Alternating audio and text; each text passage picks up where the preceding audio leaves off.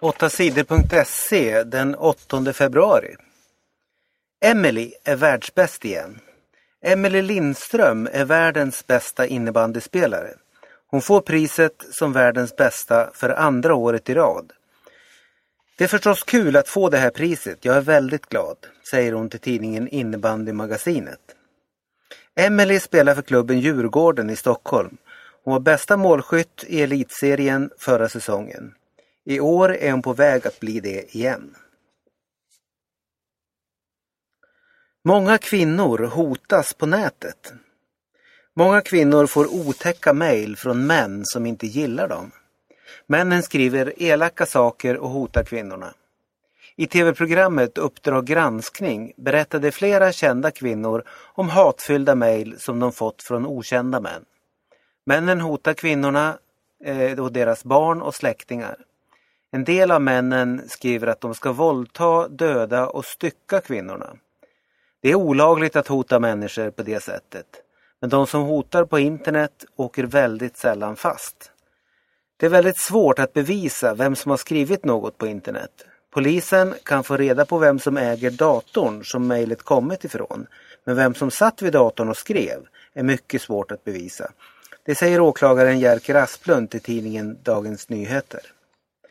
Regeringens justitieminister Beatrice Ask säger att lagen kanske måste ändras så att det blir lättare att få fast dem som hotar folk på nätet. Bråken i Tunisien fortsätter. I onsdags dödades politikern Chokri Belaid i landet Tunisien. Han var ledare för ett parti som är motståndare till regeringen. Det blev demonstrationer och bråk efter mordet. Människor var ledsna och arga Många tror att regeringen kan ha haft något med mordet att göra. Protesterna och bråken fortsatte på torsdagen. I flera städer strejkade domare, advokater, lärare och andra. I huvudstaden Tunis attackerade arga människor en polisstation. En polis ska ha dödats i bråken. I staden Gafsa kastade folk bensinbomber mot poliserna. Poliserna sprutade tårgas på folket. Idag fredag ska ännu fler tunisier strejka, säger landets största fackförbund. Många är oroliga för att det ska bli mer våld på gatorna. Obamas rådgivare försvarar kriget med drönare. USAs militärer använder drönare i kriget mot terrorister i Pakistan och flera andra länder. En drönare är ett stridsflygplan utan förare.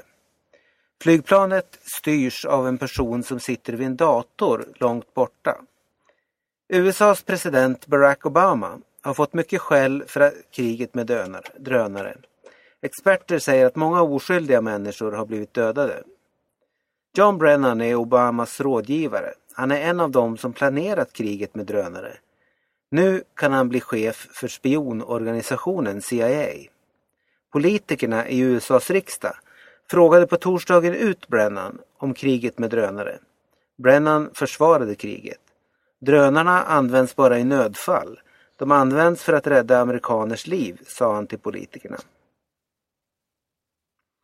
Varg dök upp i Gislaved. Plötsligt dök en varg upp på bilprovningen. Eh, vargen lufsade omkring ett tag och sprang sedan in i skogen. Det hände i Gislaved i Småland på torsdagen. Vargen var stor. Den var bara några meter ifrån oss. Det var häftigt och mäktigt att se den, säger Roger Torstensson som arbetar på bilprovningen. Vargen var ovanligt stor, men ingen jätte, säger Linda Andersson som är expert på vargar till Sveriges Radio P4.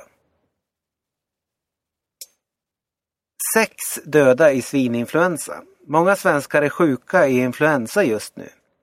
Det är tre olika influensavirus som härjar i Sverige samtidigt. Det säger experterna på Smittskyddsinstitutet, SMI. Fler än 330 människor i Sverige har fått svininfluensa. 35 av dem blev så sjuka att de fick vård på sjukhus. Sex människor i Sverige har dött i svininfluensa i vinter. Färja sjönk i flod i Bangladesh. En stor båt sjönk på torsdagen i landet Bangladesh. Det var mer än hundra människor ombord på båten. Några av dem lyckades simma i land när båten sjönk, men många drunknade i floden. Fler än 50 människor saknas efter olyckan. Varför båten sjönk vet man inte än. 50 dödades i bussolycka. Fler än 50 människor dog i en bussolycka i Zambia i Afrika på torsdagen. Bussen krockade med en lastbil. Det hände norr om huvudstaden Lusaka. Omkring 70 människor fanns i bussen när den krockade. De som inte dog blev skadade i olyckan. Flera av dem är mycket svårt skadade.